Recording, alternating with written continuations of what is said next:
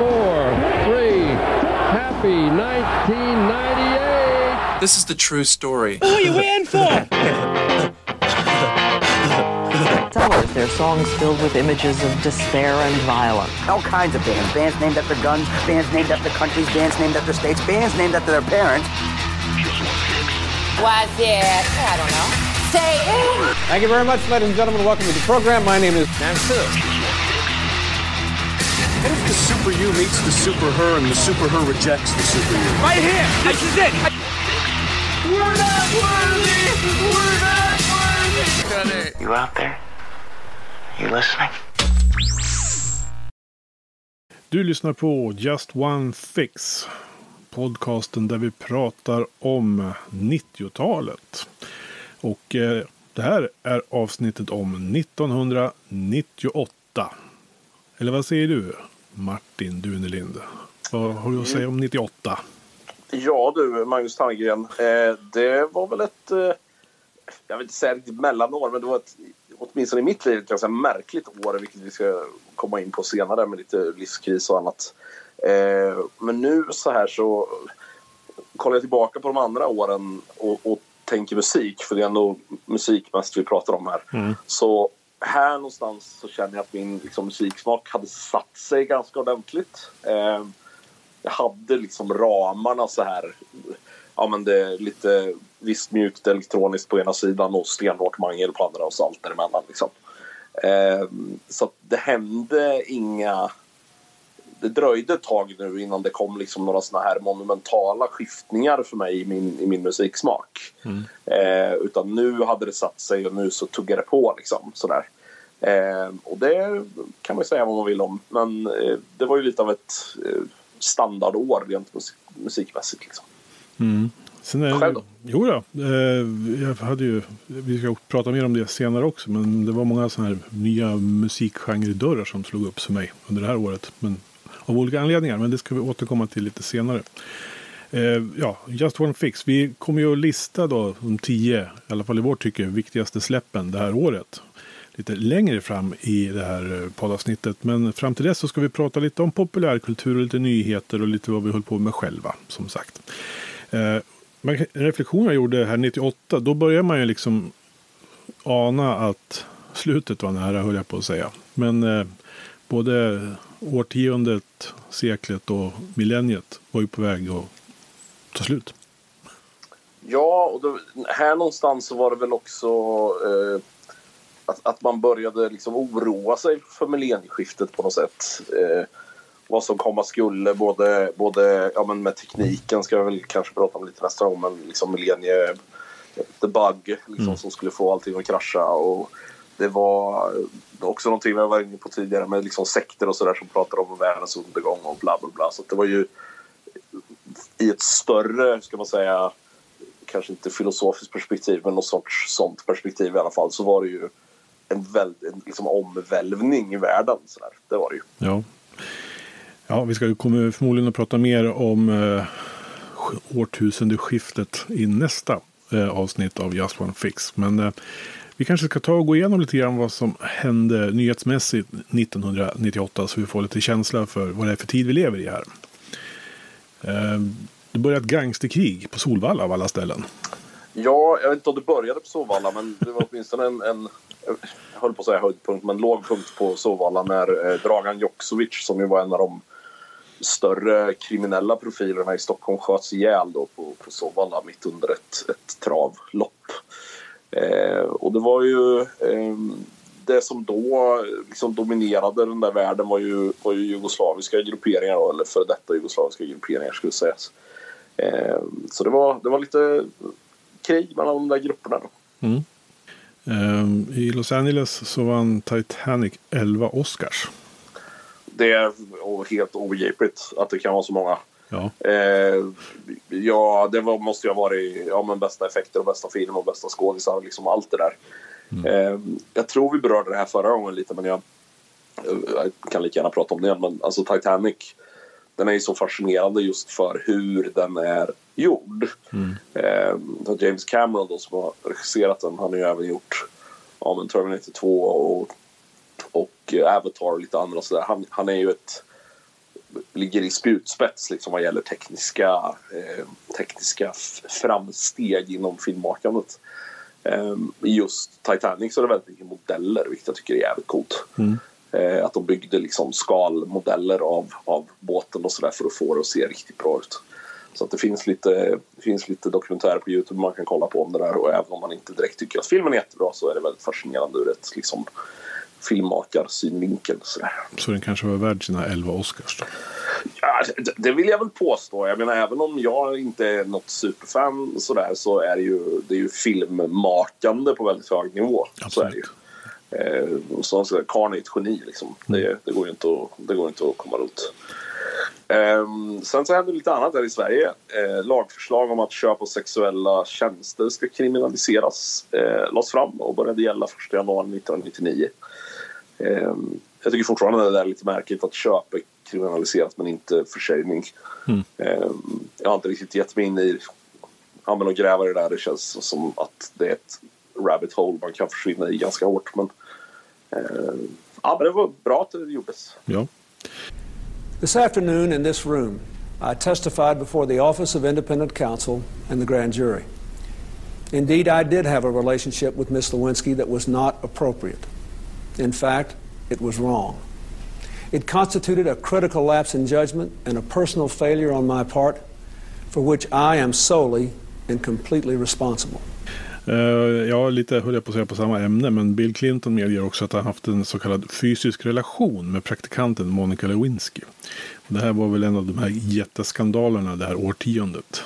Uh, han hade väl ett rykte om sig, den gode Bill. Han var lite kvinnokarl och sådär. Men här så fastnade han liksom med fingrarna i kakburken så att säga. Ja, du ville egentligen säga något annat där. Ja, eh, nej men visst. Och, och, det här var ju jättestort eh, världen över såklart. Eh, men framförallt stort då för, jag kände ganska många i, i USA efter mina, mitt år där. Eh, och det var ju, det dominerade nyheterna fullständigt i USA. Men det är ju klart på samma sätt som Donald Trumps galenskaper gjorde det då. Eller nu menar jag. Så men då var det ju här, det var en sån avvikelse från vad en president skulle vara. Liksom. Mm. och framstå som. Så det, det, var, ja, det var en chock för nationen och mycket för världen också.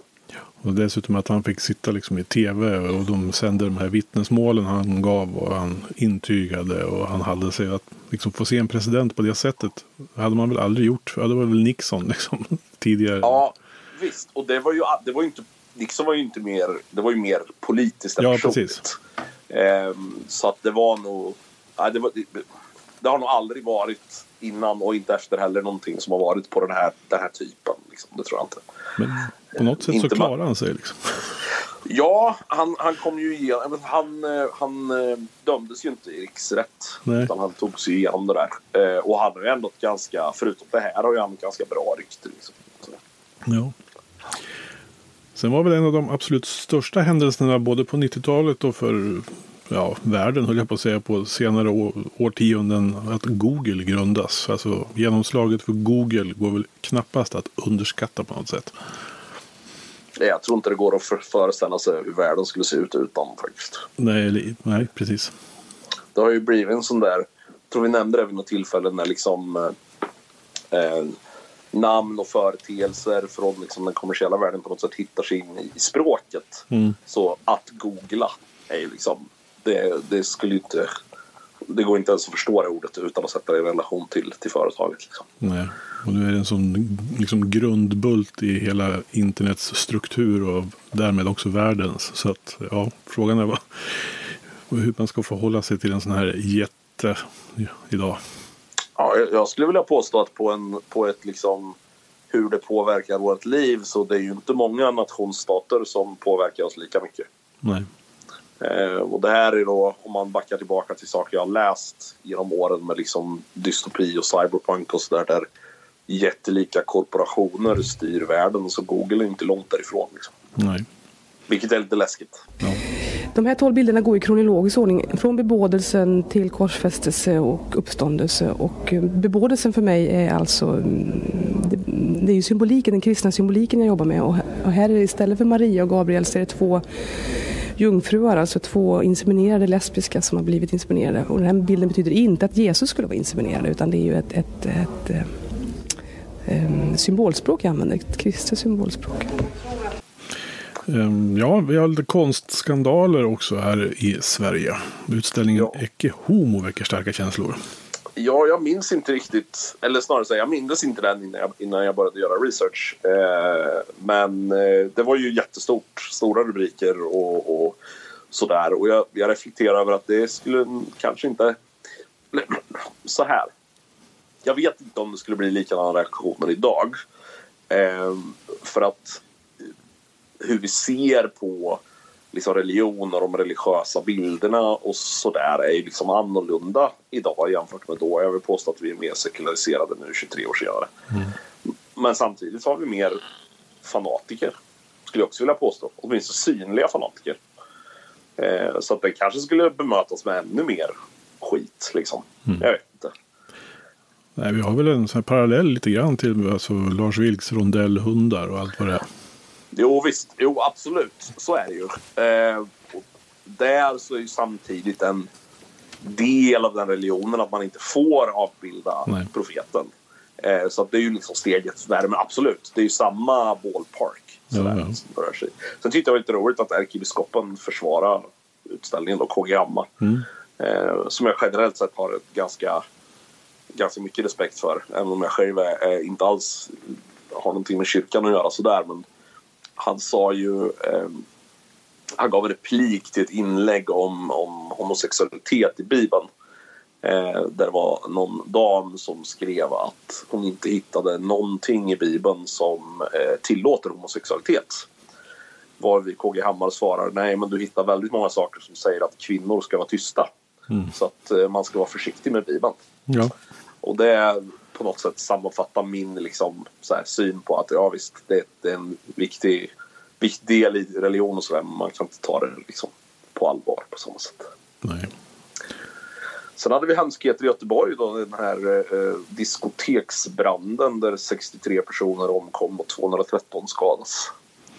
Ja, det där var ju en hemsk historia. Jag har lite så här en personlig anekdot till det. Det var för att min eh, blivande svärmor, hon hade precis flyttat till Göteborg för att jobba som diakon där nere. På hissingen av alla ställen också. Så att eh, hon kom ju rakt in i det här eh, i stort sett bara någon vecka efter att hon hade börjat. Så att, mm -hmm. så att eh, det var ju naturligtvis en prövning. Men det var ju en fruktansvärd historia det där egentligen. Över eh, ja, hur de inte kom ut genom brandutgångarna och sådär. Det var, ja, precis. ett trauma för hela Göteborg i flera år framåt. Ja, hela Sverige skulle ja. jag säga. Eh, just med tanke på att det var, ett, ett, att det var så mycket ungdomar. Ja. Eh, det var ju så här. En, en sån där tillställning ska ju bara fungera. Mm. Lite så. Så att, nej, det var läskigt. Eh, så det, det tycker jag vi lämnar nu. Ja, vi pratar om Hennes och Mauritz istället. Ja, de började sälja på internet, vilket ju var en stor grej också. Mm. Um, vi har ju berört några sådana där grejer tidigare i podden med ja, men liksom tv på nätet och sådär. Men det här är vad jag har förstått den första stora svenska eh, liksom, kedjan som börjar sälja på internet. Mm. Ja, hemskheter och hemskheter. Vi har ju lite dödsfall här också um, under det här året. Frank Sinatra bland annat gick bort. Den här giganten bland giganter. har, du, har du någon relation till honom så här musikaliskt? Inte alls uh, faktiskt. Nej, samma här. Alltså, jag hade inte, föräldrarna lyssnade liksom inte på Sinatra eller, eller sådär heller. Men det är, det är en sån där som jag kan titta på och säga ja, han var jätteviktig fast inte mycket mer. Liksom. Nej, han är väl My Way och så hade han någon form av maffiakoppling. New York, New York, New York ja. han också. Ja. Sen ett avsevärt större namn för mig då som gick bort då var Akira Kurosawa. Eh, den japanska regissören som har gjort massa samurajfilmer och annat. Eh, som är ja, otroligt storslagna och, och over the top. Och sådär. Så. Mm. Eh, så har vi Ernst-Hugo Järgård också, vår svenska skådespelare. Som eh, gjorde sig, vi har pratat om honom förut i samband med Riket. Ja, precis. Men det, han... det, det och Ring klocka ring är väl det enda jag kan... Eller alltså, körde han Ring klocka ring? Nej. Jo, jag tror, han, han, jag tror ja. han hade några, några, år i alla fall när han gjorde det. Just det. Just det. Men det, det är mina enda bilder av honom. Sådär. Mm. jag vet ju att han är stor svensk skådis men mer riket är nog ingenting som jag kan dra mig till minne så att jag direkt har sett honom i. Plus att han är en sketch i Killinggänget. När han eh, är jury i en av Glenn Killing-manegen. Alltså hans nackspärr är det. Det är Alltså, jätteskruvat det där. Men eh, hur som helst. Ja, hur som helst. Ehm, sen hade vi Phil Hartman som gick bort också då, som eh, kom upp i Saturday Night Live som många andra komiker. Eh, men framförallt gjorde sitt namn i The Simpsons då, som eh, advokaten Lionel Hutz och eh, tv-stjärnan Troy McClure. Ja, det var också en gräslig historia. Han blev skjuten i sömnen av sin flickvän eller något sånt där. Ja, sin, sin fru. Fru var det. Eh, och som sen begick självmord Ja. efter det. Eh, så att det var ju en, någon läskig... Ja, hon, hon var, hade psykiska problem och var, Mm. var substansberoende och sådär. Så det var en riktigt konstig historia. Hi, I'm Troy McClure. You may remember me from such nature films as Earwigs, Ooh, and Man vs. Nature, The Road to Victory. Mycket hemskheter. Eh, Ja. inte, inte lika hemskt var väl vart vi var. Nej, Precis. vi kanske ska ta och gå in på det då. Våra egna livsöden under det här året. Och du eh, flyttade tillbaka till Karlskoga. Ja, jag flyttade tillbaka till min eh, hemstad, får jag väl kalla det då, där jag växte upp. För jag hade någon sorts livskris och visste inte vad jag skulle göra med mitt liv. Eh, jag hade ju pluggat lite innan, eh, både i Sundsvall och Eskilstuna. Och inget hade riktigt eh, fastnat sådär. Eh, så jag började jobba på en kundservice som låg i Karlskoga. Eh, för eh, teleoperatörer och lite annat. Alla, eh, så, i stort sett alla jag känner har jobbat där. Eh, som en sorts, ja men det här gör jag innan jag vet vad jag vill med mitt liv. Sådär. Eh, man satt sig där och, och, och tjänade lite pengar för att det var en tre veckors utbildning och sen kunde man börja jobba. Liksom. Eh, så jag sa välkommen till Comvik, det här är Martin. Eh, det var min, min första smak av arbetslivet.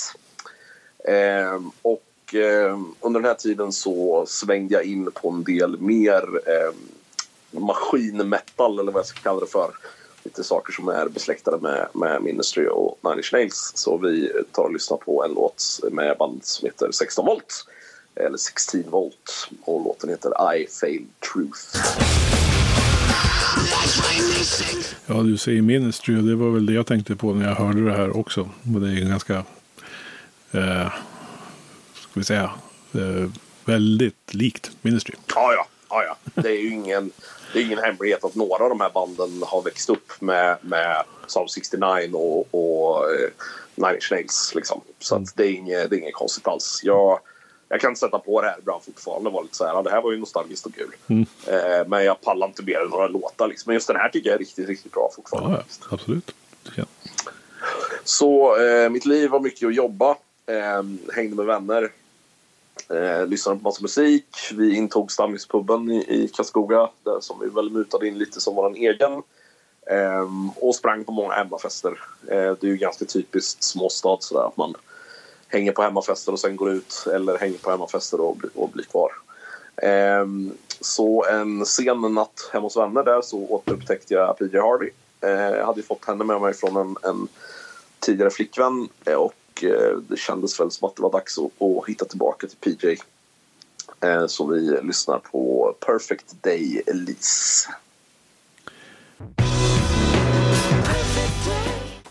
Det är ju svårt att inte gilla PJ Harvey. Även eh, alltså de plattorna hon gjorde där runt de, de här åren är ju fantastiskt bra tycker jag. Ja, alltså allt från så här, allt från liksom början på det hon höll på med tills ungefär här är sånt som jag fortfarande kan lyssna på. Mm. Eh, och den här låten är, den är monsterbra verkligen. Mm. Eh, så att jag, IPV är viktig på många sätt. Eh, de här eh, festerna som jag var på eh, de avslutades ofta eh, på akustisk gitarr av världen där vi oftast var och han spelade Fell Black Days med, med Soundgarden som vi alla satt och sjöng med till vid halv två på morgonen. Eh, så det är många väldigt, väldigt bra minnen från, ja, men från umgänget. Inte nödvändigtvis från jobbet för det var otroligt tråkigt. Jag ska aldrig jag önskar inte på min värsta fiende att jobba på en kundservice för att det är fruktansvärt monotont och eh, fram, alltså nästan robotiskt jobb utan ansvar. Så, där. så det, var, nej, det var hemskt. Eh, jag fortsatte skriva om musik för diverse fanzine eh, och eh, hade väl en annan grej i lokaltidningen också eh, i Karlskoga. Ehm, och och eh, ett av banden som jag snubblade över eh, under den här tiden eh, i samband med det var ett amerikanskt band som heter Failure. Som har lite kopplingar till, till eh, Tool och sådär. De har turnerat ganska kraftigt med dem i, i USA. Eh, så vi lyssnar på en låt med just Failure som heter Magnified. Är det bara jag som får känslan av att det här är ett sånt här band som skivbolagen signar för att det lät lite Nirvana och Kurt Cobain över det här? Alltså jag tror det plus det bandet vi pratade om förra gången som var Far. Ja. Eh, så det, det är så här, för mig så är det här alternativrock 101. Mm. Lite så. Eh, inget spe- spektakulärt med det överhuvudtaget. Plattan är, är bra liksom rakt igenom sådär. Mm. Men det är inte som att de gör någonting som man bara åh det här var nytt och fräscht. Eh, men eh, eh, nej, men de är kul. Jag lyssnar fortfarande på, på Failure. De har släppt två plattor efter den här som också är bra. Eh, det var ett, ett band som har hängt med. Jag eh, som sagt skrev ju mer om, om musik då och eh, en stor grej som jag berört tidigare eh, var ett eh, skivbolag som låg i eh, Örebro som ligger 40 minuter från Karlskoga. Och det skivbolaget var Burning Heart där eh, halva världens hardcoreband härjade känns det som. Eh, men det var väl framförallt eh, eliten i den svenska hardcore-scenen som, som släppte saker där. Eh, och ett av de banden som gjorde det hette Breach. Eh, de är från Umeå. Eh, har släppt tre väldigt, väldigt, väldigt bra skivor. Eh, och ja, jag var tvungen att ha med Breach, helt enkelt. Och jag lyssnade på dem väldigt mycket 1998. Så vi kör deras låt Center från deras debut. Så det är ju få svenska hardcore-band som eh, har så mycket respekt tror jag som Breach. När folk pratar om Breach så får folk ofta en sån där religiöst i blicken. Ja, det är de Refused då. Ja, Eh, men Refused är på en helt annan nivå. Men så här, Breach är ju ett band som... Tittar man utåt, jag har träffat många amerikanska band som har varit fans av Breach. Mm. Eh, så liksom, de, de fick ju öppna för Neurosis liksom. Ja, precis. Neurosis var i Sverige. Eh, eh, så att det, det är många, många amerikanska band som har lyssnat på dem och tycker de var coola. Liksom. Eh, de gjorde ju någon reunion-spelning här för, ja, jag vet inte vad det kan vara, 10-15 år sedan någonting i, i Stockholm. Eh, och det var ju så dåligt så att klockorna stannade, tyvärr. Men eh, innan, det är så många bra konsertminnen från Breach på Hultsfred och spelningar kring Örebro. Liksom. Så det var, ja, de var viktiga. Mm. Själv då? Jo, jag hade ju bott ett år i, eller ett halvår i Linköping och levde studentlivet och var fullt övertygad om att det är litteraturvetenskap som är meningen med livet. Jag vet inte riktigt var jag fick det ifrån, men eh, det gick över sen efter B-kursen som jag gick. När man skulle börja skriva bibliografier och det var inte så jätteroligt. Ehm, men eh, det stora som egentligen hände 98 när det, i mitt studentliv, eller vad man ska säga, det är att jag sätter min fot i studentradions lokaler för första gången. Eh, och eh, det har ju absolut ingenting med mina studier att göra. Men jag lämnade i alla fall inte studentradion förrän jag var klar med studierna 2001. Så att jag spenderade fantastiskt mycket tid där. De hade lokalerna ovanpå Nationernas hus dessutom. Så det fanns en pub under på våningen under. Det var ju fantastiskt praktiskt med eget bryggeri och allt. Men Det har, väl form, det har väl format dig väldigt mycket det där? ja, Alltså med tanke på poddandet och radio senare och sådär. absolut. Så att eh, eh, ja, det var ett stort intresse. Och det här var ju lite kul för det var ju nästan semiprofessionell radio. Vi sände ju hela dagarna och en bra bit in på kvällarna. Och det var ju magasinsprogram och allt möjligt. Väldigt genomarbetat. Eh, nåväl, här så möter man ju då väldigt mycket spännande människor. Som är helt olika musiksmaken än en själv. Det var ett ganska stort galleri av folk med specialintressen och sådär. Som man eh, umgicks med och hängde med. Eh, på både under sändning och efter sändning. Och fick lyssna på massor med fantastiskt spännande musik. Eh, och det speglas ju också på studentradions spellistor naturligtvis. Och ett typiskt sånt band som vi spelade då var ju Bob Hund. Så att jag tycker vi tar att eh, river igång här med Nu är det väl revolution på gång. För det var det faktiskt då lite grann i mitt huvud. Så Bob Hund är ett sånt här band som kommer undan med svenska för mig. Eh, för att jag, jag har jättesvårt för band som sjunger på svenska för att jag tycker att språket känns lite torftigt jämfört med engelska. Sådär. Men Mm. dels är Bob Hunde så jävla over the top så att det, det går liksom inte att, att, att säga emot på det sättet. Och sen har jag några riktigt, riktigt bra live av dem också. Ja. Ehm, Så att det är ett, de- ingenting jag lyssnar på idag men det är alltså kul liveband framförallt. Ja, jag försökte faktiskt lyssna lite på dem nu inför det här. Jag har inte heller lyssnat på dem på jättelänge. Men eh, ja, det håller ju i sig själv så att säga. Men jag vet inte, man tröttnar rätt fort nu. Eh, nåväl, när, på när man ändå var på studentradion så fanns det ju ett skivarkiv. Det bestod ju av 120 arkivhyllmeter med CD-skivor. Som var katalogiserade i någon sån här DDoS eh, databas som man kunde söka i. Och så var det som ett så här bibliotek. Och eh, precis där någonstans var det väl då man också lärde sig att man kunde kopiera CD-skivor. Eh, tog en väldig tid, eh, kommer jag ihåg. Men eh, kan ju tänka dig vad som händer när man släpper in någon i ett skivarkiv som gillar musik. Då hittar man ju alla de där plattorna man har letat efter. Eh, så det ägnade jag rätt mycket tid åt och hade rätt mycket sånt. Eh, apropå då musik man aldrig har hört förut och aldrig konfronterats med eh, via studentradion så upptäckte jag nog också Asian Dump Foundation. Jag kan ingenting om bandet. De låter som eh, någon sorts trip-hop dubstep-version av Rage Against the Machine. Och jag tycker vi lyssnar på låten Naxalite. Det där är ett sånt där band som är lite som The Cure är för dig. Mm. Att jag, jag gillar idén, men det fastnar liksom inte. Nej.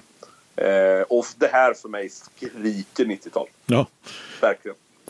Ja, alltså jag, just den här låten gillar jag fortfarande. Men försöker man lyssna på hela den här skivan så, så fäster det inte riktigt. Men eh, just den här låten passar, blir man glad av när man hör.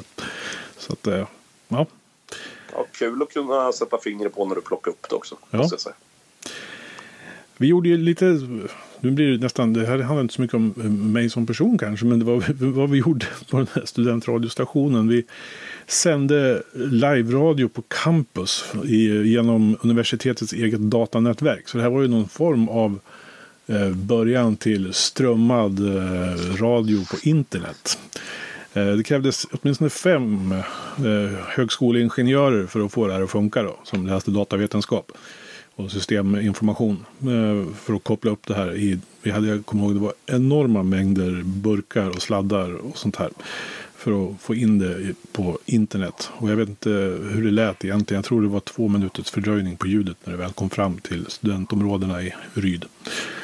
Um, hur kul som helst var det i alla fall.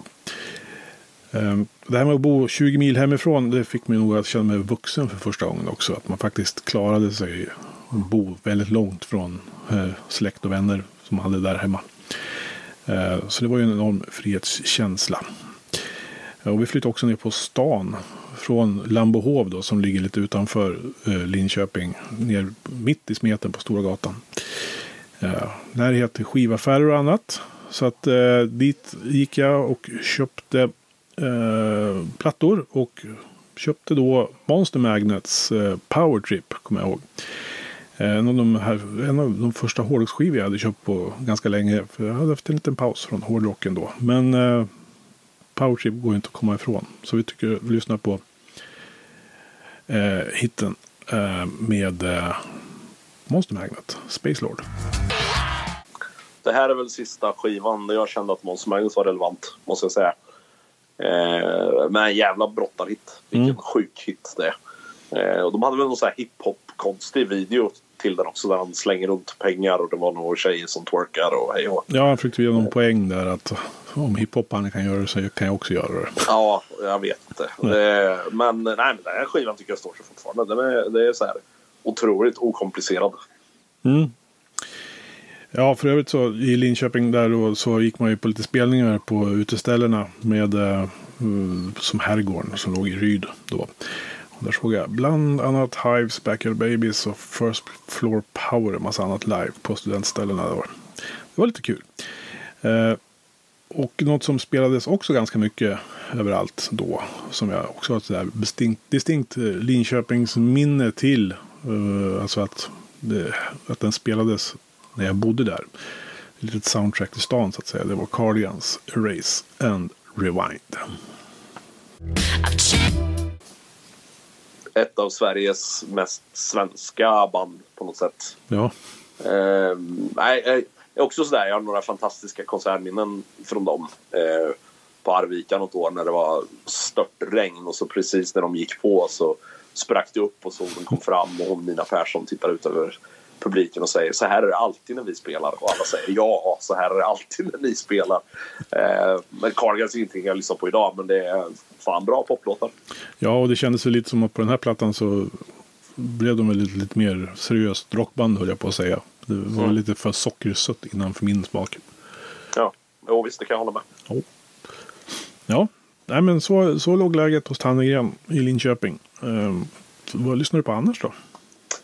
Ja, alltså jag nämnde ju redan, redan det. jag lyssnar på ganska mycket industrimetal, typ Ministry, Screw, eh, 16 Volt som lyssnar på Peace Love and Pitbull, Sphere Factory och så vidare. Mycket, mycket svartklädda män som bankade på gitarrer och vred på samplers. Liksom. Det, var, det var lite min grej då. Eh, men även mycket nu metal då. Korn, Deftones. Eh, Max Cavalera från Sepultura hade ju hoppat av och startat sitt nya Soulfly och det var band som Cold och Cold Chamber och, och hej och. Det var mycket, mycket stora byxor och dreadlocks och nedstämda gitarrer. Ehm, vilket sammanfattar den genren ganska bra tycker jag. Ja. Ehm, och så lite Big Beat då, alltså typ Chemical Brothers och, och annat sånt. Ehm, och så ett band som jag försökt smyga in flera gånger här men inte lyckats för att det har funnits annat som har varit vettigt att spela. Men jag upptäckte Unsane här på, på allvar. Ehm, som ju fortfarande hänger med och är riktigt, riktigt bra. Mm. Själv då? Ja, jag försökte ju odla min kulturvetar-image jävligt hårt. Så att eh, jazz ska man ju lyssna på då, tänkte jag. Eh, så att eh, det hade jag lite tur där. Eftersom man bodde nere på stan och på Trädgårdstorget i Linköping så hade eh, Louise Hofstens pappa sin skivaffär. Som jag inte minns namnet på tyvärr. Men eh, fantastiskt välsorterat jazzsortiment. för han var ju jazzmusiker. Eh, och var väldigt behjälplig och kunde eh, introducera en till John Coltrane och Miles Davis. Jag kan väl inte påstå att jag var en sån här stor jazzkonsör och är jag väl inte nu heller. Men eh, just de här stora giganterna, de har jag eh, ändå ett rätt så här ömt öra för. Eller vad man säga. Det kan vara skönt att lyssna på ibland. Kanske inte John Coltranes mer eh, ska vi säga, experimentella eh, år. Där det mest är eh, bröl i saxofon på ett atonalt sätt. Men eh, de tidiga prylarna är väldigt bra tycker jag. Och sen blir det ju bättre av, alltså jag gillar inte jazz nästan alls men just den här typen av musikminnen blir ju bättre därför att du kan knyta det till en specifik tid och plats. Ja, ja. Eh, alltså jag har ju band som som jag inte kan lyssna på länge eller mycket men ändå så här fan några låtar och så transporteras man tillbaka till just den där spelningen eller skivbutiken eller, eller hemmafesten eller vad det än är liksom. Mm. Eh, och då är det svårt att, då är vi inne på nostalgi där och då är det svårt att släppa alltså. Ja. Ja och jazz var en sån här grej jag, alltså, verkligen försökte, försökte förstå. Fast jag inte förstod saker. Ja, men det, hör- det hörde ju till, som Ja. du sa. Det hörde ju till din, eh, din litteraturvetargrej där. Liksom. Ja, ja. Så man satt där och lyssnade på John Coltrane och tänkte att det var ett jävla oljud. Men, men eh, ja, Så drack man rödvin och läste Proust och så. exakt. Ja, ja, härligt. Ja, så var det. Eh, vi brukar ju, när vi har gjort det här, som ni vet, som har hängt med nu, eh, prata om tio viktiga plattor i den här podden. Och det ska vi också göra. Men först så ska vi titta på både tv och bio. Ja. Eh, vad gick på tv eh, 1998? Så jag reflekterar lite över det. För att i flera program som vi har pratat om där så tycker jag inte att man har kunnat se någon direkt så här röd tråd. Utan vi har pratat lite om lösa tv-program och sådär. Men det här året så kom ju både Dawson's Creek och Felicity. Och båda de två är ju så här super... Ja, precis slut på high school, början på college eh, serier liksom, om, om amerikanska ungdomar. Eh, och det kom andra serier med samma tema också. Så det känns verkligen som att det var en trend då. Och både Dawson's Creek och Felicity blev ju hur stora som helst både där och här. Eh, så att, eh, men det, det var en spaning som jag gjorde. Mm. Ja, jo, Felicity, det är lite sån här, det var nog en lite guilty pleasure, måste jag erkänna. Ja, alltså jag, jag, tror, jag följde det nog inte så där som att jag tittade varje gång. Nej. Var den på vid något tillfälle så tittade jag alltid. Så var det. Ja, Ja, det har jag inga problem med att erkänna. Eh, och hon har ju dykt upp sen. Hon är ju bland annat med i The Americans. Ja, som det är är, eh, fantastiskt riktigt, bra. riktigt bra. Ja. Ja. Så att hon har blivit en riktig skådis. Det Ja. gillar vi. So I say let's get it on. Let's get it on. This guy's a real artist, Johnny, and the dance floor is his canvas. Looks like Michael Jackson is breaking out the crotch grabs early. Are you trying to fool, Michael? You stole that move from me. That's a lie, Madonna, and you know it. Oh, yeah. You want to see crotch grabbing? Celebrity Deathma- Deathmatch, det hade inte så mycket riktiga skådisar. Nej, herregud, Claymation. Men det där, eh, det började ju som mycket annan eh, MTV eh, TV, om man ska säga, började ju på det här Cartoon Sushi och, eh, och eh, ja, samma som Max Headroom och, och Aeon Flux och alla de här grejerna vi pratade om. Men så fick den egen show då. Eh, och jag tycker det är ball fortfarande. Det går att hitta på, på MTV när, när liksom Marilyn Monroe och Marilyn Manson tror jag det är som slåss. Liksom. Ja, det, det är, så- ibland är det så fantastiskt respektlöst så att det är hysteriskt kul. Fruktansvärt respektlöst. Ja. Och det är det som gör att det är kul. Ja, ja. Det finns liksom ingen gräns för hur gräsligt det kan bli. va? Nej, nej, nej visst. Eh, så att jag, ja, gillar ni, gillar ni lite animerat och sådär så jag är rätt på Celebrity Deathmatch på Youtube och kolla lite. Mm. Sen kom ju en av de, alltså, både vad är det, 90-talet och 2000-talets mest ikoniska tv-serier startade väl då också, Sex and the City. Ja, jag vill väl inte bara säga 90 och 20-tal. Jag vill nog säga tidernas. En av de mest ikoniska tv-serierna faktiskt. Eh, den var inte ett guilty pleasure ska jag säga. Jag har liksom aldrig... Så här, jag, för, jag förstår den inte själv. Jag förstår tjusningen i den men jag fattar den inte riktigt själv. Eh, men den är ju en sån ja, gigant så att den går ju liksom inte att, att, kom, att värja sig från. Så. Eh, lite en del av det popkulturella DNA kanske. Ja, absolut. Ja, vad hände mer då? Ja, That 70's Show dök ju upp och den tittade jag ju på eh, när den gick och garvade. Jag vet inte om jag skulle skratta åt den idag. Eh, men den, eh, den skapade ju några stora kändisar. Alltså Topher Grace, visst inte jättestor men vad han nu heter, som jag aldrig minns, som spelar den långa, lite korkade slusken. Ja, Eh, inte jag heller som har så bra minne på det. Nej, skitsamma. Det får vi ta reda på till nästa gång eller så. Eh, men eh, det var ju ändå en grogrund för några som gick vidare och, och blev liksom lite större sådär. Eh, ganska trött sitcom kan jag tänka mig att det är. Då. Mm. Eh, och sen gick det lite, lite science fiction för oss som gillar rymden. Ja, eh, Star Trek Voyager, ytterligare en av de här eh, Star Trek-franchisen som kom. Eh, är de vilsna någonstans långt bort i universum och ska försöka ta sig hem? va? Det är väl grundstoryn? va? Ja, exakt. Alltså min, mitt problem med Star Trek har alltid varit att mänskligheten har lyckats. Eh, och, och där tycker jag direkt att den tappar lite eh, möjlighet för drama. Så. Att eh, alla hot måste vara externa i stort sett. Mm. Eh, så, och det är samma där, jag fattar varför man gillar Star Trek men jag, jag har aldrig varit något jättefan. Eh, men eh, det är också en sån där ikonisk grej. Men jag gillar man science fiction så måste man ju åtminstone försöka titta på Star Trek. Ja, men du har nog rätt med det där. Det är en liten, så här, lite för självgod eh, attityd i Star Trek.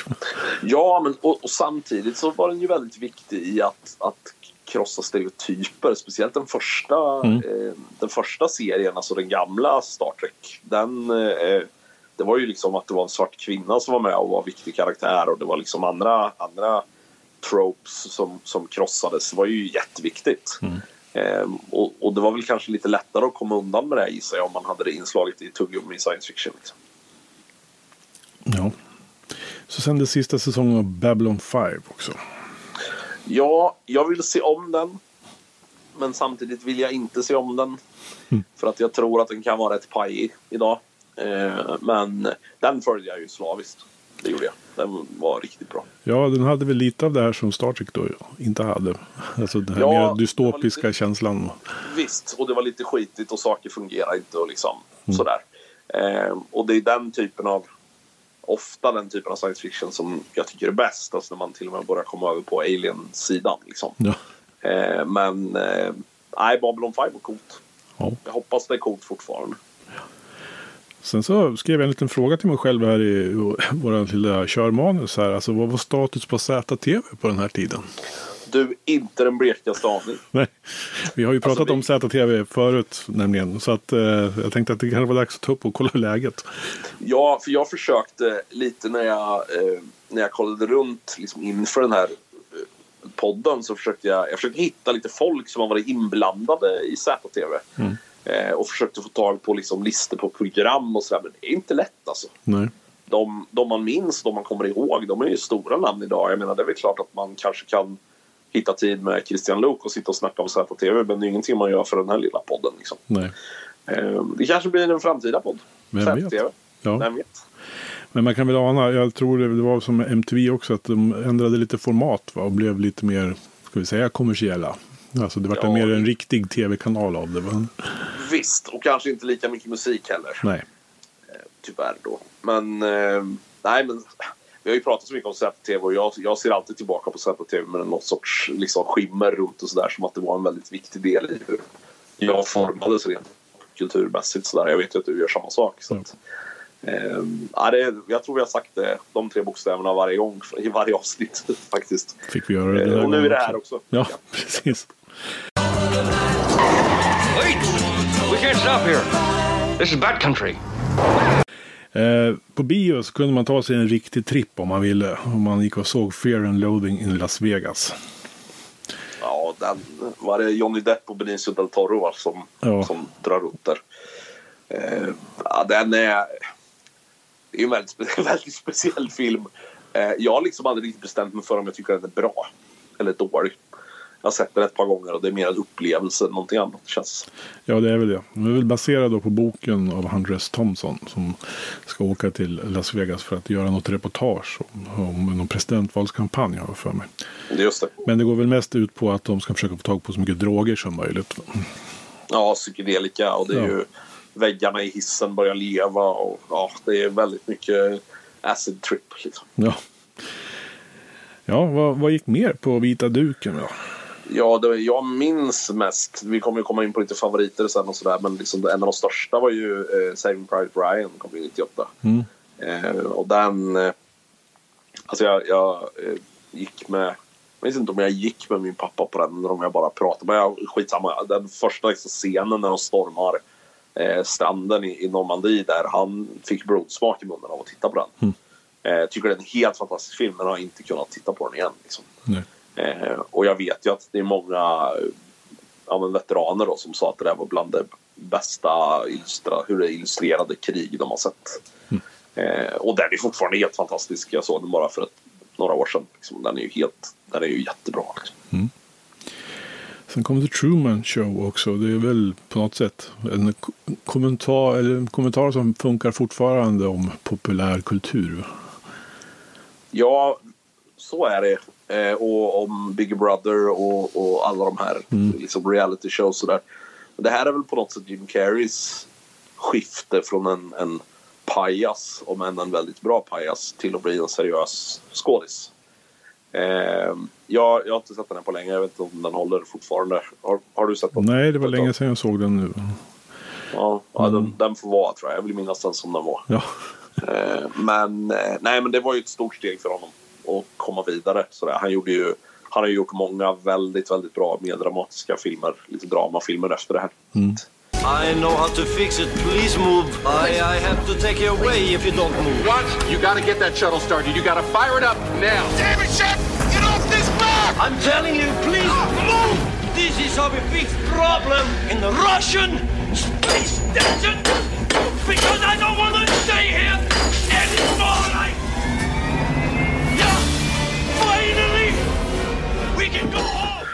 Sen var det ju eh, kometer som kom ramlande mot, eller asteroider som kom farande mot jorden också. ja två gånger.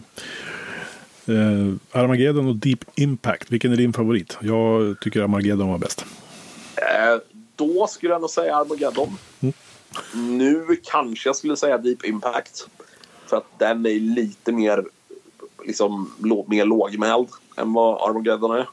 Eh, men jag vet faktiskt inte. Jag har inte sett någon av dem på 20 år säkert. Nej, du Fem, mest, 15. Det kan- 15 år i alla fall. Kanske mest för att jag har en soft spot för Bruce Willis. Ja, ja, ja okej. Eh, ja, men det, det, kan jag, det kan jag gå med på. Jag har en soft spot för Steve Buscemi och han är med i Armageddon också. Så att, Ja. eh, men det är ju sådana där... Alltså, ska du sammanfatta 90-talets actionrullar så är det väl Armageddon och... Eh, gud, vad heter den? När de är på fängelset. Nicolas Cage och Sean Connery. The Rock. The Rock, precis. De två för mig är liksom essensen av actionfilm på något sätt. Ja. American History X var ju ganska obehaglig. Den är fruktansvärt obehaglig. Den såg jag faktiskt bara förra året. Den är svinbra fortfarande. Alltså på alla sätt och vis. Och slutet är som en spark i magen varenda gång. Eh, ja, den är, det är, usch vad bra den är. Eh, och har ni inte sett American History X, ni som eventuellt lyssnar, åtgärda det snarast. Ja, vi går vidare här i listan. Vad, eh, fucking Åmål dök upp här. Eh, Och det var väl liksom eh, en sån här ganska ikonisk svensk film från den här tiden. Ja, jag har inte ens sett den. Nej, inte jag heller. Eh, Okej, då går vi vidare. Eh, jag kan nämna två andra filmer då från 98 som jag håller väldigt högt fortfarande. Eh, och det är dels Dark City som är någon sorts eh, dystopisk science fiction och sen Rounders som handlar om illegal poker. Eh, och jag är ingen så här pokerfanatiker eh, men den filmen är fruktansvärt bra med Matt Damon och eh, Edward Norton som spelar på illegala pokerklubbar. Eh, den, jag, det är en av de här filmerna som jag ser med jämna mellanrum och tittar på just för att jag Matt Damon är alltid bra och man stör sig så fruktansvärt mycket på Edward Norton vilket betyder att han också är bra. Ja. Eh, så den, den är högt på. Den är nog topp 20 skulle jag säga av mina liksom, favoritfilmer. Sådär. Eh, Dark City tror jag inte håller längre rent eh, effektmässigt. Sådär. Men den har varit väldigt inflytelserik på mig vad gäller känsla i världsbyggande när jag skriver och, och, och sådär. Eh, så den, är, den är viktig.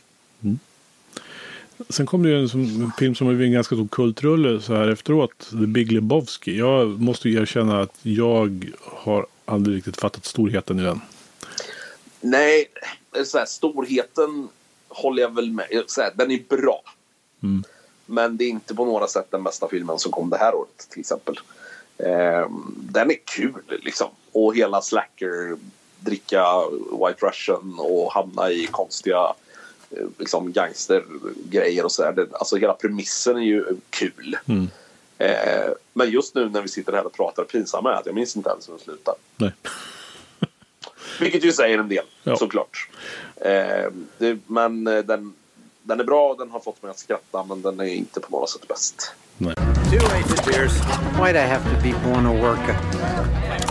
You soldiers get all the glory. Plus, you to go out in the world. You know, you meet interesting insects. You get to kill them. Yeah, but you get to spend all day with those beautiful worker girls. Weaver, they're career girls. They're obsessed with digging. I really don't think I'm ever going to meet the right girl for me. Who said there was a girl for you? I was talking about a girl for me. Don't you want your 8-bit beer? Call me crazy, but I have a thing about drinking from the anus of another creature, okay? Suit yourself. Sen så kom det ju två animerade filmer också. Jag tänkte vi ta upp Ants först. Eh, Det var ju helt sjuk rollista på den. Helt absurt faktiskt. Ja, vi pratar alltså Woody Allen i huvudrollen som, eh, vad han nu heter igen, myran det handlar om. Som inser att han är bara en i mängden i den här myrstacken. Men eh, den här befolkas ju då av röster från både Sharon Stone, Jennifer Lopez, Sylvester Stallone, Christopher Walken, Dan Aykroyd, Anne Bancroft, Danny Glover och till och med min favorit Gene Hackman är med. Ja, det är ju helt absurt. Alltså, är, är det Woody Allen som har gjort den? Eller är han bara skådis? Jag tror han bara är skådis i den faktiskt. Ja, okej. De vill ju ha någon halvkolerisk typ som inser att han inte är liksom någon egentligen. Just det, just det. För hade han varit inblandad i skapandet då hade jag fattat att alla de här tunga namnen hade dykt upp. Liksom. Mm. Eh, men eh, den, den är ju jätteviktig. Men här är det lite som samma med Armageddon och Deep Impact. Att det kom två såna här insect stories ungefär samtidigt. Då. Bugs Life kom ju på Pixar samma år. Just det. Eh, och den håller jag mycket högre än, än Ants om jag ska titta idag. Mm. Eh, A Bugs Life, lite intressant då, är ju baserad på något vi tidigare pratade om, nämligen en film av Akira Kurosawa Så den är baserad på de sju samurajerna. Eh, till viss del. Eh, så det är ju en av, en av Pixars första. Eh, och jag tycker fortfarande den håller riktigt, riktigt bra. Om ett gäng cirkus, eh, cirkusinsekter som hamnar mitt i en pågående konflikt. Eh, så den, eh, ja, den ser jag mycket hellre än Ants. Ja. Ja, det var det som vi tittade på på tv och bio 1998. Ska vi gå in på den här poddens egentliga existensberättigande, höll jag på att säga. Men eh, de tio viktigaste släppen från eh, det här året. Eh, vi brukar inleda det här lite grann med att bara göra en reflektion över eh, musikvärlden och livet vid den här tiden. Och det jag tänkte på, som vi inte har pratat så mycket om, det är ju tidningarna som fanns på den här tiden. Alltså den tryckta pressen musik, musikpressen. Och vi pratar ju här pratar vi ju namn som Pop, den tidningen, Sound Effects och inte minst Close-Up Magazine som startade i början på 90-talet men som här verkligen har fått upp farten som Sveriges största och viktigaste tidning för hård musik i alla fall. Absolut. Och eh, du konstaterar att den är som bäst här. Jag, jag skulle nog vilja påstå att den blir bättre året därpå för då börjar jag skriva den. Eh, men ja, visst, alltså, ut liksom, skämt åsido och sådär. Den, den var ju superviktig. Man upptäckte ju många nya band via Close Ja. Ja, och pop fostrar väl en hel generation av musikskribenter som sen gick vidare. Jag menar, det var ju Andres Lokko som startade den. Men Fredrik Strage skrev ju där och Pierre Hellström som startade Sonic sen också. Och Jan Gradvall cirkulerade väl lite som någon sorts gudfader över alltihopa. Så att, eh, det var ju en helt ny generation av musikjournalister som dök upp i de här tidningarna vid den här tiden. Jo visst, det var ju en plantskola. Alla de här tidningarna var ju plantskolor för saker som hände sen på samma sätt som ja, men som Säpo-TV fostrade folk i TV så fostrades folk i popkulturtryck eller vad man ska kalla det för. Tidningar och magasin och sådär. Mm. Kom ju härifrån.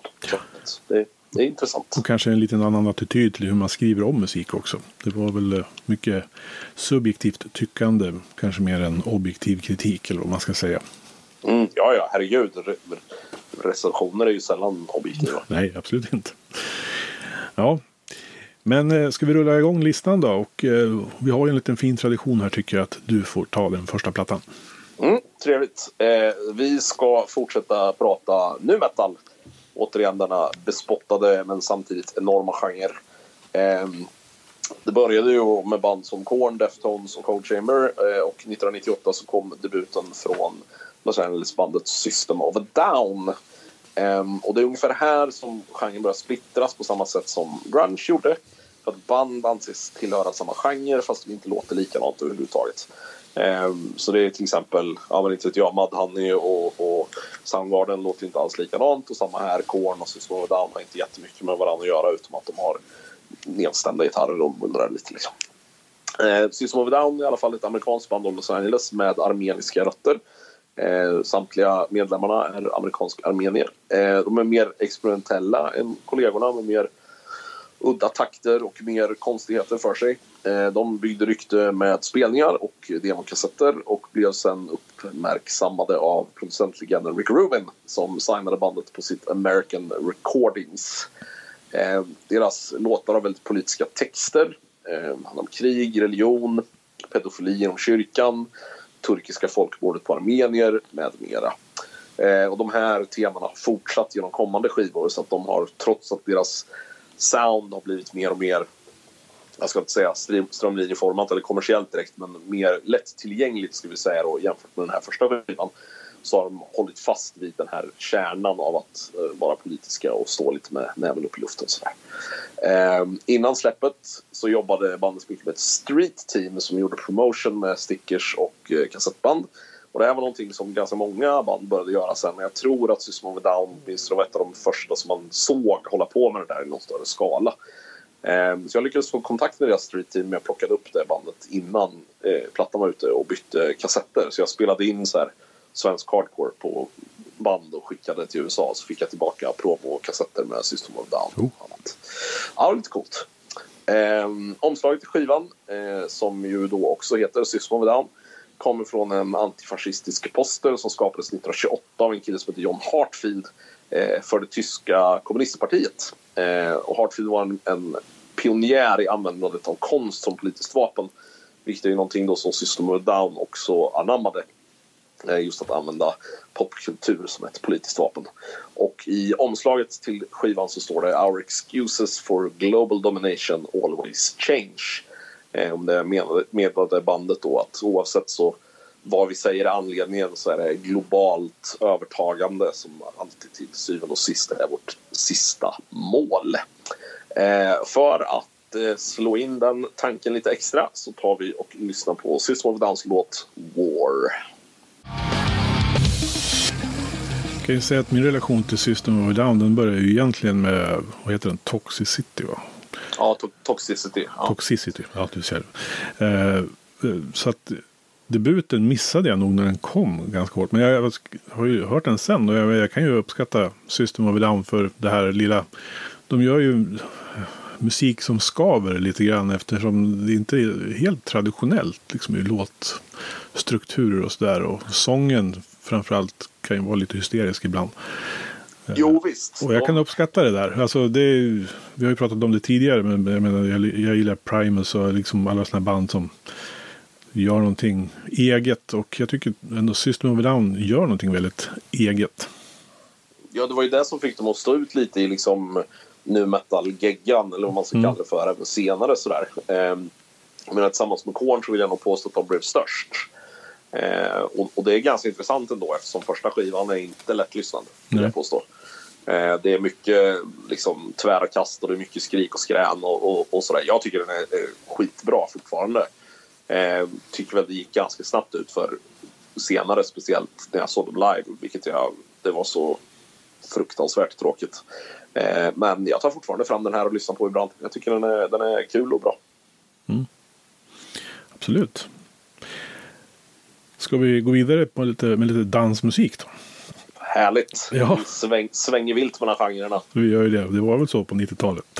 Eh, Fatboy Slim tänker jag ta upp här. För eh, jag tycker att han förtjänar sin plats på en sån här lista. Med skivan You come a long way baby. Um, låten, låtar som Rockefeller Skank och Praise You blev ju jättehits för honom. Norman Cook som han heter egentligen. Han var DJ och eh, dessutom basist i The House Martins. Som inte alls lät sådär. Eh, men här, med de här låtarna blev han ju mega stor och spelades överallt. Och bilden på omslaget tycker jag är nästan det roligaste med den här skivan. Det är en överviktig ung herre med en cigarett i näven och en t-shirt med texten I'm number one so why try harder. Som tydligen är tagen då på Fat People's Festival i Danville i Virginia 1983.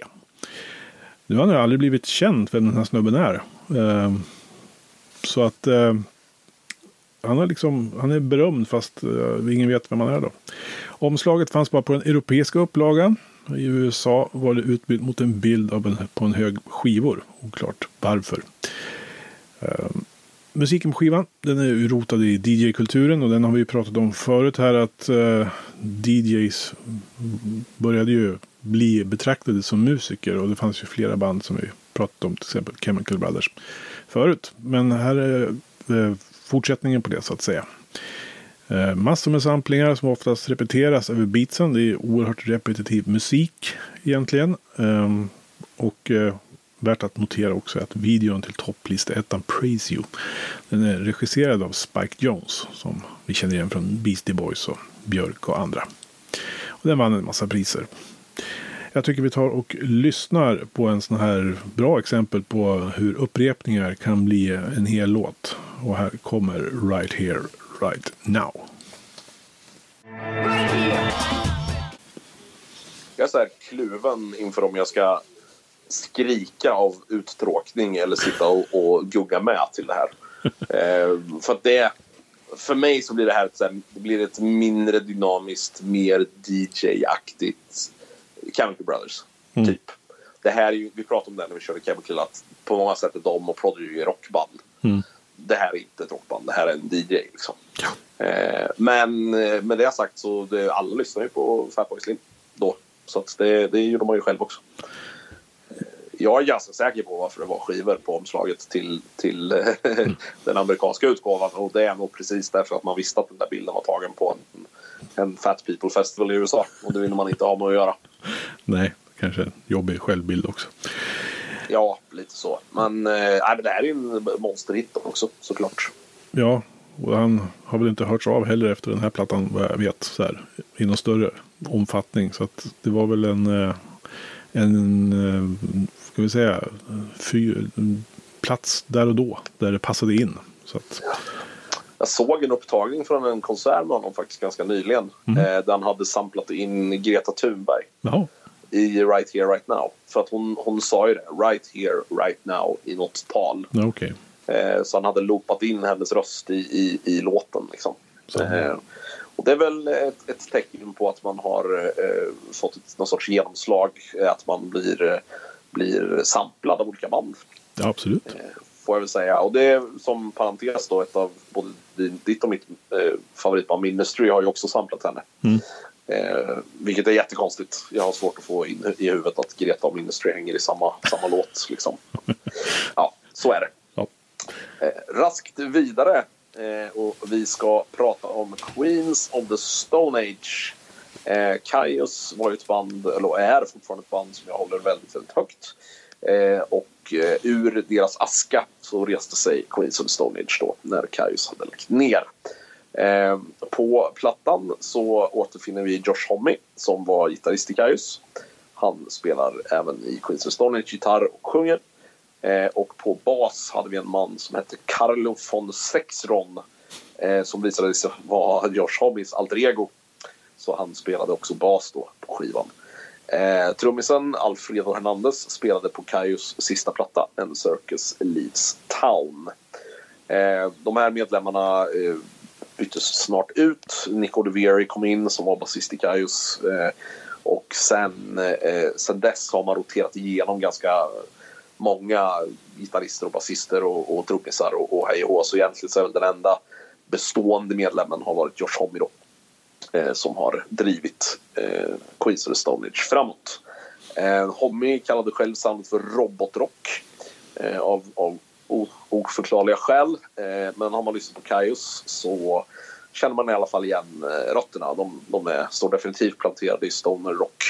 Eh, åtminstone på den här första självbetitlade skivan. Eh, det skulle kunna vara Kaius ifall Kaius hade snöat in på krautrock och skrev ganska ordentliga pucks.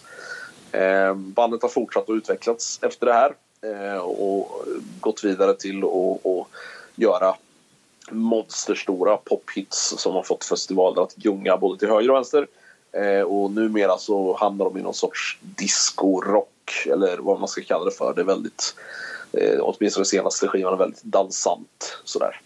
Eh, hur som helst, den här skivan tycker jag är en av deras bästa. Eh, och Eh, de förblir ett viktigt band i rock, eh, rock'n'roll. Så vi kör från deras självbetitlade debut If Only.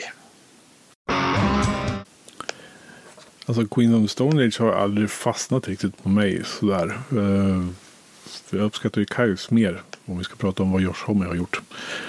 Eh, jag vet inte riktigt vad det är men jag tycker det är, nej det, det är lite, höll på att säga slätstruket för min smak.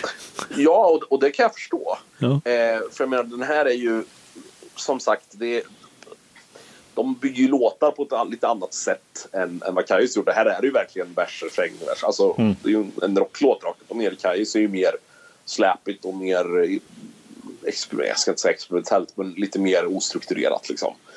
Ehm, så, så jag fattar att jämför man det, framförallt om man jämför det med Kaius så förstår jag att man har svårt att, att, komma in i det. Ehm, och så när de spelade första gången i Sverige i Malmö då, så, och, och det här vet jag inte en myt utan jag vet att det här faktiskt hände. Eh, så var det någon i publiken som skrek Play Green Machine som ju var ett, en av Kaius hittar då. Mm. Eh, varvid Josh Homme lutar sig fram till mikrofonen och säger This is another band. Och så fortsätter på att spela. Eh, de har så vitt jag vet aldrig spelat en Kaius-låt live. Nej. Eh, jag har sett dem massa gånger och de, de levererar alltid live. De är skitbra, verkligen. Ja, jag får väl ta och försöka se dem live någon gång. Det tycker jag. Ja. Eh, vi ska gå över till eh, lite androgyn gothrock istället. Eh, och prata om Placebo. Ett band som kanske många känner igen namnet på men har svårt att säga vad det var de hade hört med dem. Eh, plattan vi ska prata om som släpptes det här året heter Without You I'm Nothing. Eh, och det man kanske minns mest från eh, Placebo är väl eh, Brian Molkos eh, lätt androgyna nasala röst. I kombination med lite Sonic Youth-stämda gitarrer och en goth-touch. Eh, och det blir väldigt tydligt på den här andra plattan från bandet. Den första är lite mer alternativ rockig sådär. Eh, Eh, skivan är till stor del baserad på Brian Walcotts personliga upplevelser av droger, psykisk sjukdom och kärlek. Bara muntra prylar med andra ord.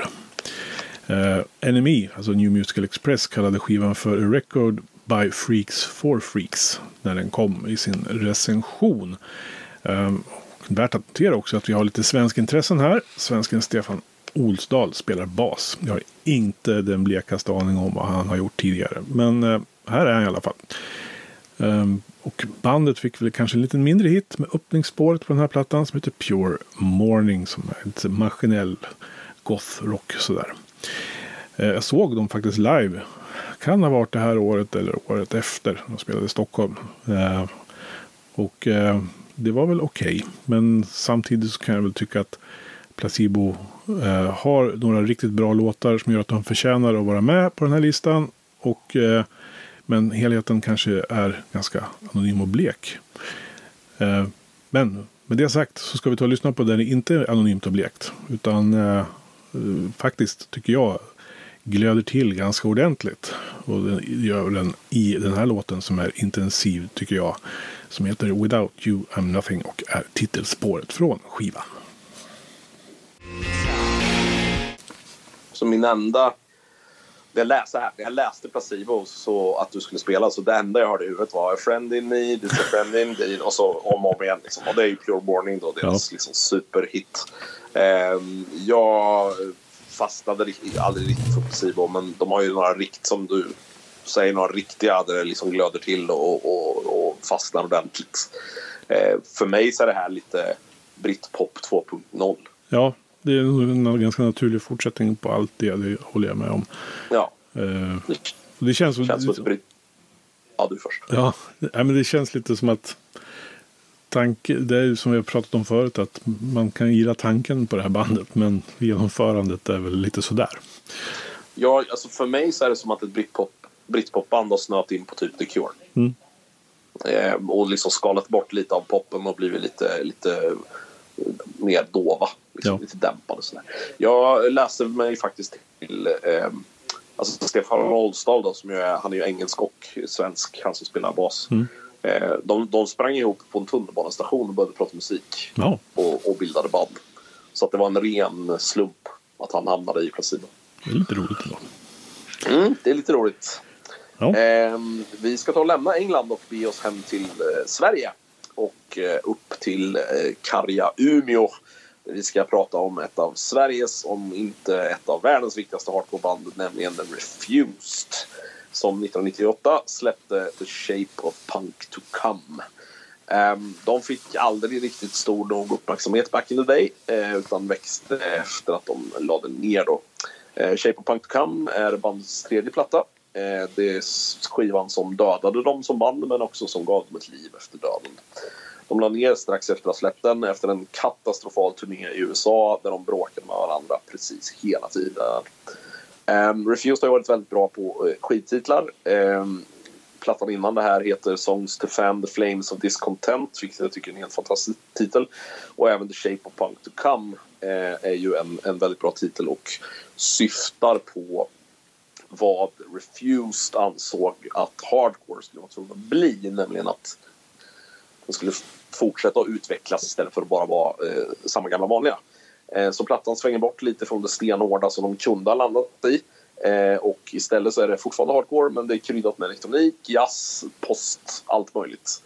Ehm, så deras inställning var att hardcore ska alltid utmana ehm, och det här klassiska hardcore-soundet tyckte de har blivit lite för mycket mainstream. Då. Man måste vara emot etablissemanget och hardcore hade blivit en del av etablissemanget. Ehm, därav experimentlustan. Själv så har jag alltid sett Refuse som ett viktigare band än ett bra band. Och det har mycket att göra med, med Dennis Lyxzéns röst som jag tycker är lite för papperstunn stundtals. Jag vill ha lite mer muller i mina, mina hardcore-skrikare. Eh, men det här är en fruktansvärt viktig platta, inte bara för svensk hardcore men för hardcore och metal överhuvudtaget. Ehm, det finns en liten myt runt det här som jag verkligen hoppas är, på riktigt. Eh, och det är att bandet Crazy Town som gjorde hiten Butterfly de ska ofta ha gjort en live-cover på eh, singelspåret från The Shape of Punk to Come som heter New Noise. Och det sägs då att Dennis Lyxzén, eh, sångare i Refused, skrev ett handskrivet brev till Crazy Town och beordrade dem att sluta göra en cover på den här låten. Eh, när man la ner bandet eh, så levde man upp verkligen till titeln på en av låtarna på skivan vilket är Refused are fucking dead. Eh, jag skulle säga att det är det bästa tack och hej någonsin från ett band som lägger ner. Man uppmanade journalister att bränna promobilder. Man publicerade ett ganska argt eh, tack och hej-brev på webben. Och det var verkligen en sån där eh, mic drop, we're out, lite så. Eh, med det sagt så tycker jag det är fruktansvärt synd att de återskapades. Eh, för de är ju tillbaka och gör musik sedan några år. Eh, och på många sätt så tycker jag att det har underminerat lite vad, vad den här skivan faktiskt kommer att stå för. Vilket verkligen var ett fuck you, nu drar vi. Eh, och att man då på något sätt har sålt sig och kommit tillbaka. Jag brukar inte hänga upp mig på sådana saker men i just Refused-fallet så tycker jag faktiskt att det är väldigt, väldigt synd. Eh, hur som helst, det här är en monumental platta eh, och vi ska såklart lyssna på en låt från den. Det hade varit lätt att välja New Noise men vi struntar i den och tar istället The Deadly Rhythm.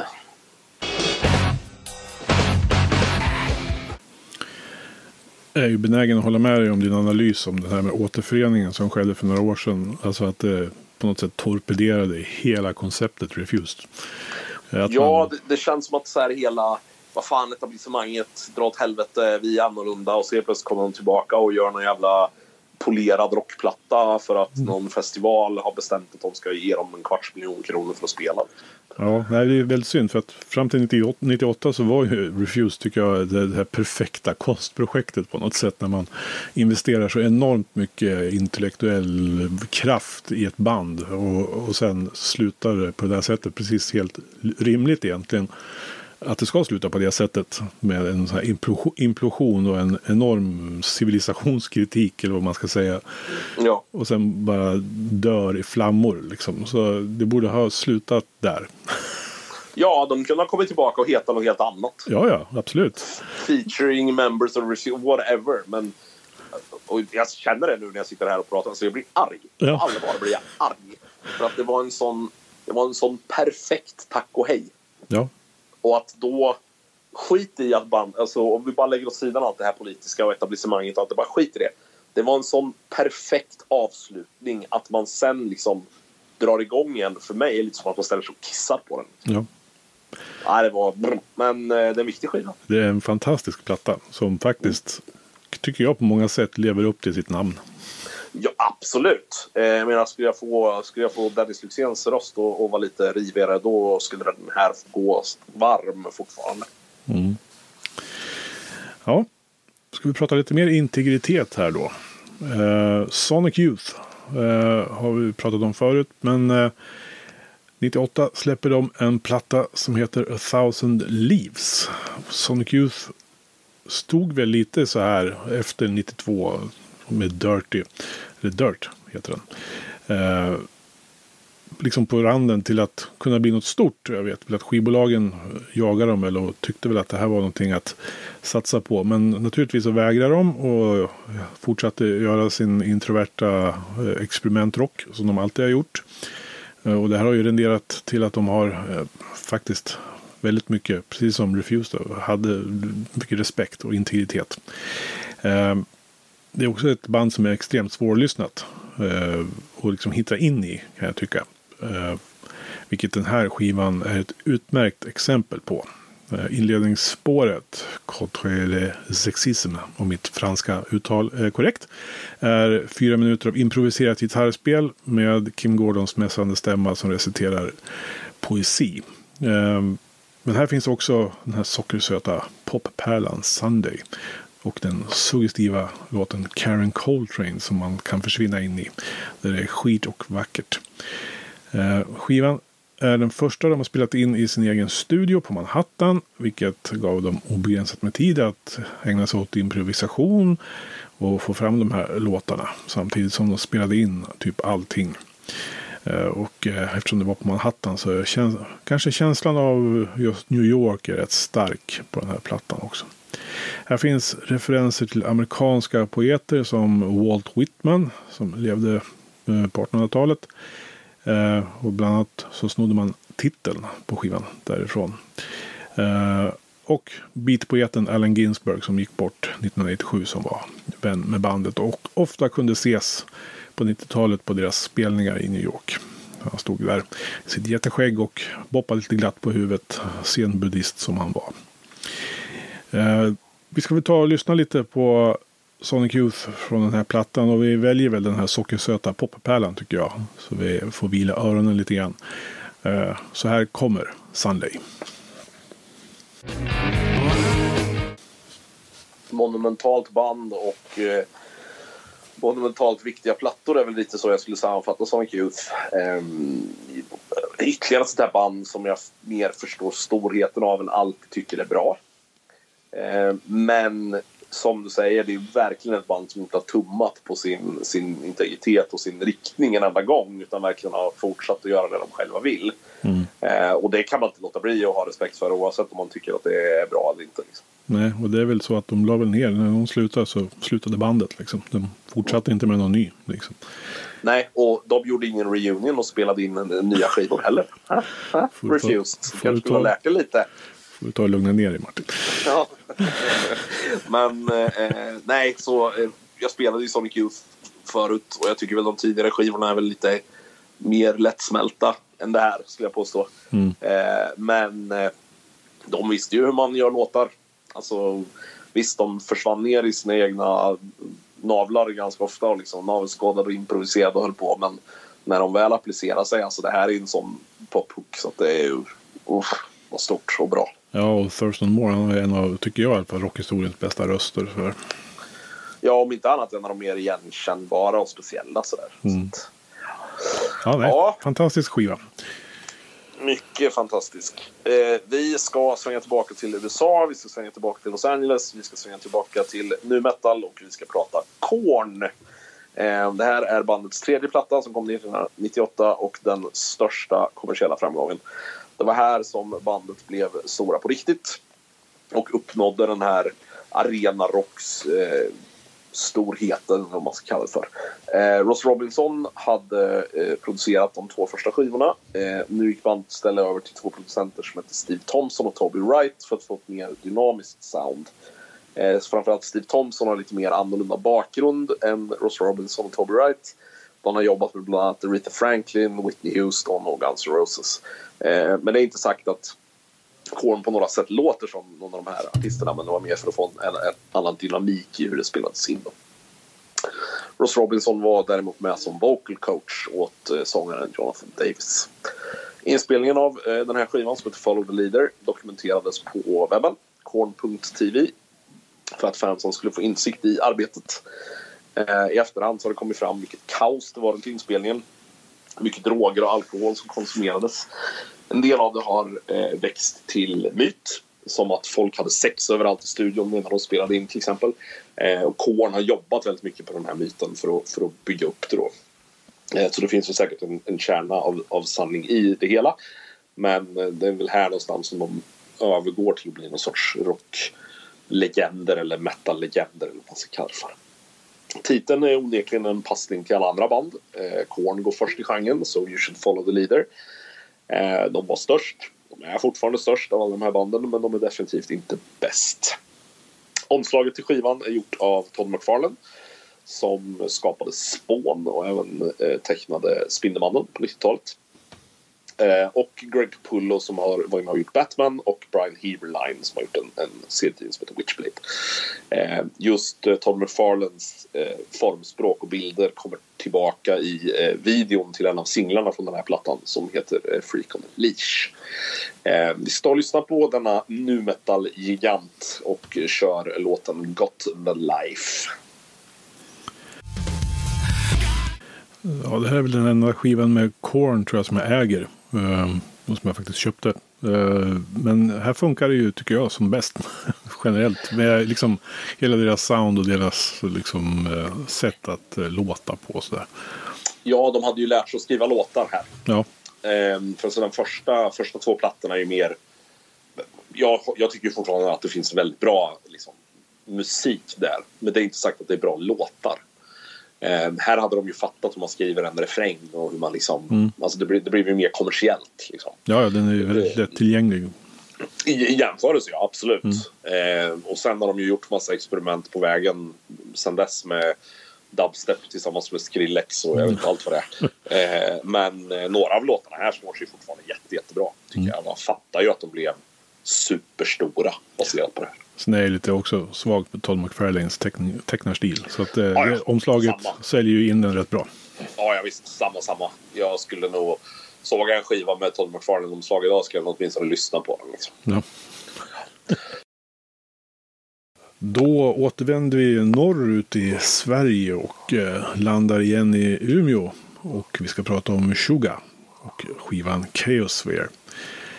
Eh, Umeå var väl kanske mest känt för sin hardcore naturligtvis för den här tiden. Men även för det som eh, man kallar för gent. Jag vet faktiskt inte vad det egentligen betyder. Men eh, Ska man bara lyssna på Meshuggah så förstår man ju att det handlar om extremt tung musik med avancerad låsstruktur. Och det har ju fascinerat folk om det här bandet ända från början och gett dem en enorm respekt. Polyrytmer och nästan matematiska kompositioner gör musiken till nästan som ett, liksom, den är så hård egentligen ibland så att det är nästan ogenomträngligt. Eh, försöker man headbanga takt till det här så kommer man att få whiplash-skador garanterat. Men det finns lite groove metal och lite thrash med i ekvationen här också. Det finns en liten rolig anekdot. Eller rolig, det är mer en personlig koppling. Eh, min eh, nuvarande hustru som jag var ihop med då. Eh, var inneboende när hon pluggade i Umeå hos en eh, kille som hade ett rum eh, i ett hus där hon bodde ett tag och nere i vardagsrummet där så hängde med och eh, repade ibland. Inte när hon var hemma dock. Men ja, det är lite sån här rolig anekdot som finns i familjen om Meshuggah. Jag tycker vi ska ta och bara lyssna istället för att prata så mycket om det här så vi får höra hur det här låter. Och eh, apropå bra titlar på låtar så tycker jag den här är rätt bra. New Millennium Cyanide Christ. Jag läste ett citat av eh, Steven Carpenter som är gitarrist i Deftones. Eh, där han sa att Meshuggah är metals kvantfysik. Ja.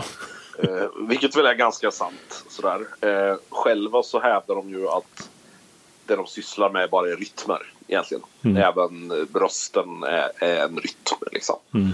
Eh, ja, det, det här du sa om att eh, om folk försöker headbanga i takt så får man whiplash-skador. Det finns få saker som är så roliga som att stå på en Meshuggah-spelning och titta sig omkring och se folk som försöker headbanga. Eh, för, alltså det, visst, det går, men det byter ju takt rätt ofta. Liksom. Ja. Eh, det här är det hårdaste jag lyssnar på. Jag har massa Meshuggah-plattor. Eh, och det... Någonstans så är det... Det är nog fascinationen i låtbakandet och hur man kan få ihop något sammanhängande av liksom den här typen av rytmer som gör att jag tycker det är bra. Eh, men det är, ja, det är fascinerande, mycket fascinerande band och musik. Ja, de har ju ett grundmurat rykte också internationellt. Jag menar, alla vet vad Meshuggah är för någonting. Det är, det är väl liksom den enorma massan av musik de har producerat som är oerhört fascinerande. Mm, jo visst. Jag har också en eh, lite Meshuggah-historia eller anekdot. Det var när 2001 när Tool var i, i Hultsfred och spelade på festival. Så hade de ryckt tag i de som jobbade för festivalen och så sa de att det finns en svensk band som heter Meshuggah. Hitta dem åt oss, tack. Eh, och vad det samtalet ledde till var att Meshuggah öppnade för Tool på deras USA-turné. Mm. Eh, och eh, Meshuggah har så här i efterhand sagt att det, finns, det fanns två band i världen som kunde ringa och göra att vi släppte allting mitt i en inspelning. För de höll på med en inspelning och det var King, King Crimson eller Tool. Ja. Eh, så de, de åkte med på en stor, eh, ganska stor arena-turné. Liksom. Det var gitarristerna har citerats som har, har sagt att under den turnén så spelade de för fler människor än de hade gjort under hela sin karriär innan. Så det, var, det var nog stort och omvälvande och gjorde att de syntes väldigt mycket ute i världen. Ja, coolt. Mm. Vi eh, ska gå vidare till andra eh, mörka plattor och eh, vi beger oss till de regniga gatorna i Bristol i England. Vi ska återigen prata om Massive Attack. Eh, det här är deras tredje platta som heter Messenine eh, och den största kommersiella framgången. Eh, tar ett steg bort från det lite jazziga och lugnare soundet på tidigare släpp och blir mer eh, tydligt elektroniskt och mörkt. Så alltså i mina ögon bättre. Eh, produktionen av plattan var väldigt svår, väldigt utdragen. Bandet hade olika idéer om var de skulle gå musikaliskt. Några ville ha det mer kantigt och med en känsla av paranoia medan andra ville stanna kvar i det jazziga och mer tillbakalutande. Andrew Vowles, som var en av de grundande medlemmarna, lämnade gruppen efter att plattan var släppt på grund av hur det hade förändrats. Han var inte alls nöjd med hur bandet kom att låta. Ehm, de hade ju några jättehits från den här skivan som snurrade mycket på MTV. Ehm, och eh, ja, de, de, var här, skulle jag säga, ansiktet för, för Bristol och gick väl om Portishead i, i kommersialitet eh, och, och synlighet. Sådär. Eh, de gick in på de engelska listorna, eh, listorna som nummer ett eh, men fick inte samma framgångar i USA just då. Eh, däremot så lyftas de oftast på eh, Best of-listor, speciellt Best of all time. Just den här skivan tenderar att ligga högre än, än deras andra plattor. Ehm, 2018 för skivans 20-årsjubileum så kodade man in den i DNA man tog den digitala koden för musiken och sparade den som genetisk information. Eh, och de här DNA-strängarna göt man sen in i 5000 små glaskulor. Eh, fantastiskt pretentiöst eh, och eh, helt i linje med min, min bild av Master Attack som är det här lite introverta gänget som, som hellre skruvar på maskiner än är ute och är, är sociala och trevliga. Eh, så från eh, 9 ska vi ta och lyssna på en låt som heter Inertia Creeps. Ja, jag kan ju bara hålla med om att det här är ju den bästa skivan de har gjort. Eh, man dras ju med redan i introt liksom på första låten där som smyger igång lite så här snyggt och mullrar så i bakgrunden. Alltså det är en fantastisk känsla på den här plattan tycker jag. Ja, den är genomgående genom hela skivan och det är väl det som att det finns en röd tråd mm. som man känner ganska starkt. Eh, och alltså den här lurar på och regn så är det liksom den här eller någon av Portisens plattor. ja, det är en upplevelse för mm. mig. Eh, och absolut att det är deras bästa. Med, med råge är det här deras bästa platta. Det är ju spännande också liksom man följer liksom deras musikaliska utveckling på något sätt också. Från den här mer soul baserade Eh, maskinmusiken till det här. Som är, jag vet inte vad det här är ens. Det är det som är så fantastiskt tycker jag att man inte kan sätta fingret egentligen på. Ja, det är elektronisk musik, men vad då för elektronisk musik? Det är ju det är bara bra liksom.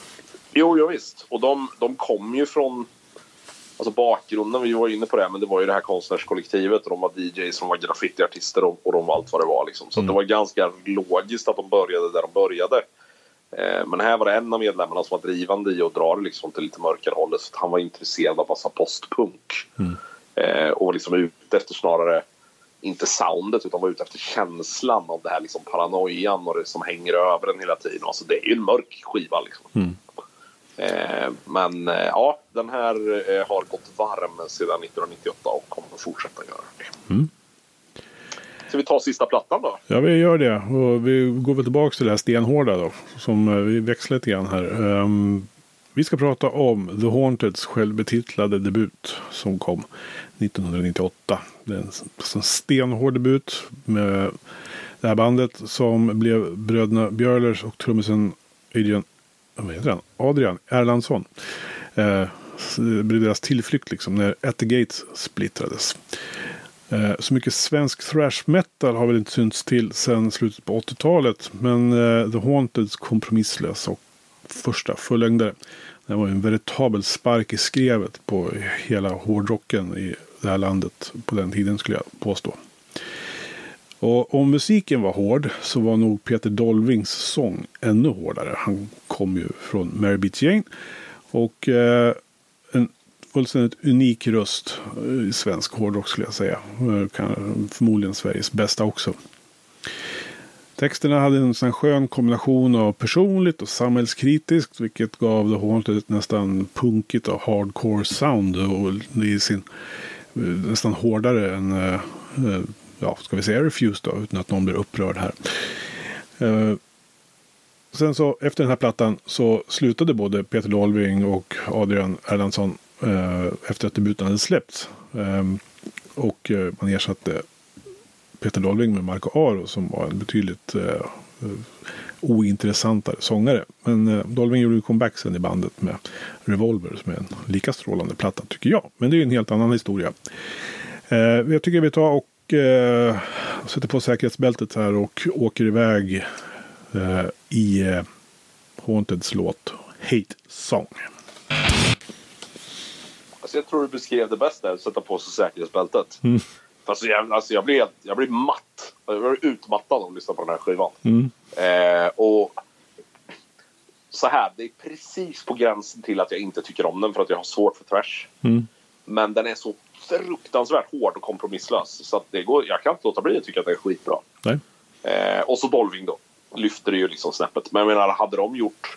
Hade de plockat bort gitarrsolon och stampat in ännu mer hardcore i det här, då hade ju jag höjt det här till skyarna. Liksom. Eh, och det finns ju några låtar, speciellt på Revolver som du nämnde, som verkligen är... Skulle det komma en hel skiva med låtar som var så bra, då vet jag inte vad jag skulle göra. Liksom. Nej. Eh, så att, eh, Haunted har hängt med. Det är en, och det är en viktig, viktig platta för svensk hårdrock. Ja, jag tror den på något sätt återstartade mycket av det som hade legat och vilat lite grann under hela 90-talet. Eh, Om vi pratar alltså hårdare musik. Det, alltså efter svallningarna av dödsmetallen och den lilla, lilla glimman av svensk thrash som fanns i slutet på 80-talet där. Så tror jag den här på något sätt tände eld på hela den scenen eh, när den här kom i slutet på 90-talet. Då. Så att, jag tror den har, fick mycket konsekvenser för det som hände efter det här. Jo, och framförallt tror jag att det var för att många andra band hade börjat dra iväg åt andra håll. Alltså nu metal syntes ju även här. Mm. Eh, och, och den här typen av ja, men metal låg ju liksom och pyrde lite och det var först här som den fick, ja men som du säger, det var någon som slängde bensin på, på elden liksom. Och Mm. det var Peter Dolving som stod och vrålade medan han gjorde det. Mm. Eh, så att, eh, ja men den här, den här drar jag igång ibland. Visserligen kanske jag bara lyssnar på fyra, fem låtar för sen är jag alldeles svettig. Eh, men eh, den är cool. Cool och bra. är den. Så där hade ni det. Tio låtar, eller tio låtar från tio plattor som vi tycker är de viktigaste från året 1998. Så är det. Ja, Eh, näst sista avsnittet skulle man kunna tro. Ja, man skulle ju kunna tro det. Eh, Men nu är det ju så här då att vi hade tänkt göra ett litet uppsamlingsavsnitt faktiskt. Eh, Med lite skivor som vi av någon anledning inte har fått med eh, på de här snart hundra plattorna vi har valt från 90-talet. Eh, Så att det- det kommer ett bonusavsnitt här eh, strax efter att vi har rivit av 1999. Eh, Så det ska ni hålla ögonen öppna efter, eller öronen kanske snarare. Med det sagt så eh, säger vi väl så och eh, vi ses då i seklets sista eh, år. Ja, det gör vi. Tack för att ni har lyssnat. I'm done. Stick a fork in me. It's been grand. Sayonara.